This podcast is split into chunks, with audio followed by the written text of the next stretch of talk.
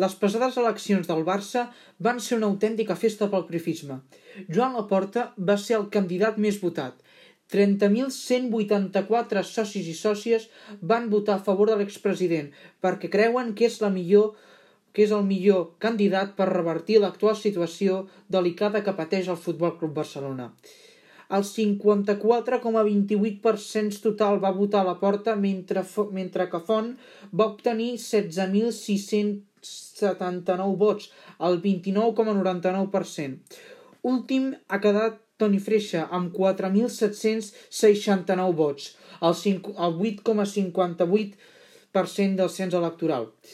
Ara, Joan Laporta és el president electe, però ha de donar l'aval de 125 milions d'euros a la Lliga.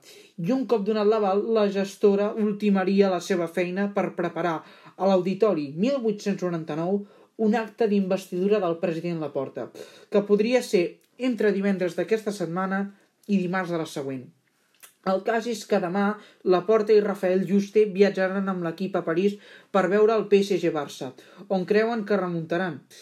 Molt aviat començarà la segona etapa de, de president pel senyor Laporta i s'espera que repeteixin càrrecs com el propi Juste i Helena Fort.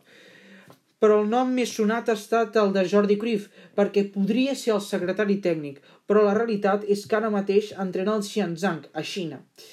I com a director de futbol hi estaria Mateu Alemany, però el cas és que la directiva no la sabrem fins que Joan Laporta hagi pres possessió en el càrrec i hagi dipositat l'aval necessari.